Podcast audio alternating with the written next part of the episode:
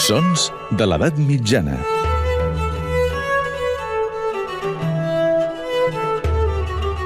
Amb Maria Montes. 2010. Londres. Giovanni Barelli és un estudiant italià que s'especialitza en notació antiga i que treballa com a interí a la Biblioteca Britànica. Davant seu té un manuscrit que recull la vida d'un bisbe anomenat Martinianus de Reims.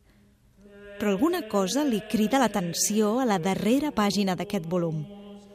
Tres línies de text i una sèrie de marques a l'encapçalament i sobre les línies.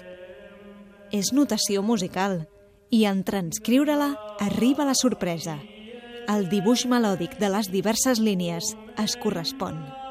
Barelli acaba de descobrir la peça polifònica més antiga que conservem.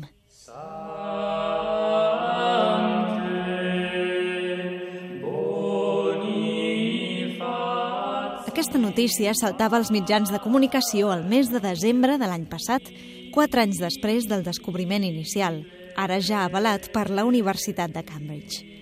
El manuscrit Harley 3019 de la Biblioteca Britànica conté, doncs, un orgànum, una peça a dues veus, la vox principalis i la vox organalis, que data de prop de l'any 900.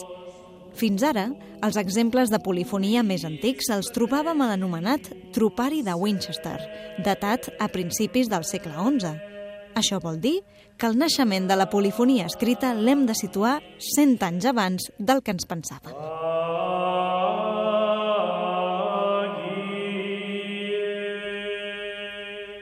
La importància d'aquest orgànum, dedicat a Sant Bonifaci, el patró d'Alemanya, no només rau en la seva antiguitat, sinó en les característiques de la mateixa peça.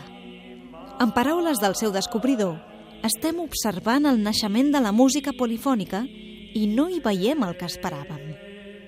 Es creia que la música per a més d'una veu s'havia desenvolupat a partir de normes estrictes, com les que trobem als tractats teòrics, i que de mica en mica s'havia anat escapant d'aquest esquelet, s'havia anat fent més flexible. És per això que aquesta peça descol·loca la nostra manera de pensar. Des de bon principi, les normes es transgredien. La música era experimentació i les convencions un punt de partida. I és que de tant en tant l'actualitat i el passat llunyà s'entrellacen i com per casualitat, si és que la casualitat existeix, el descobriment arriba per al qui sap mirar amb uns altres ulls. Sons de l'edat mitjana.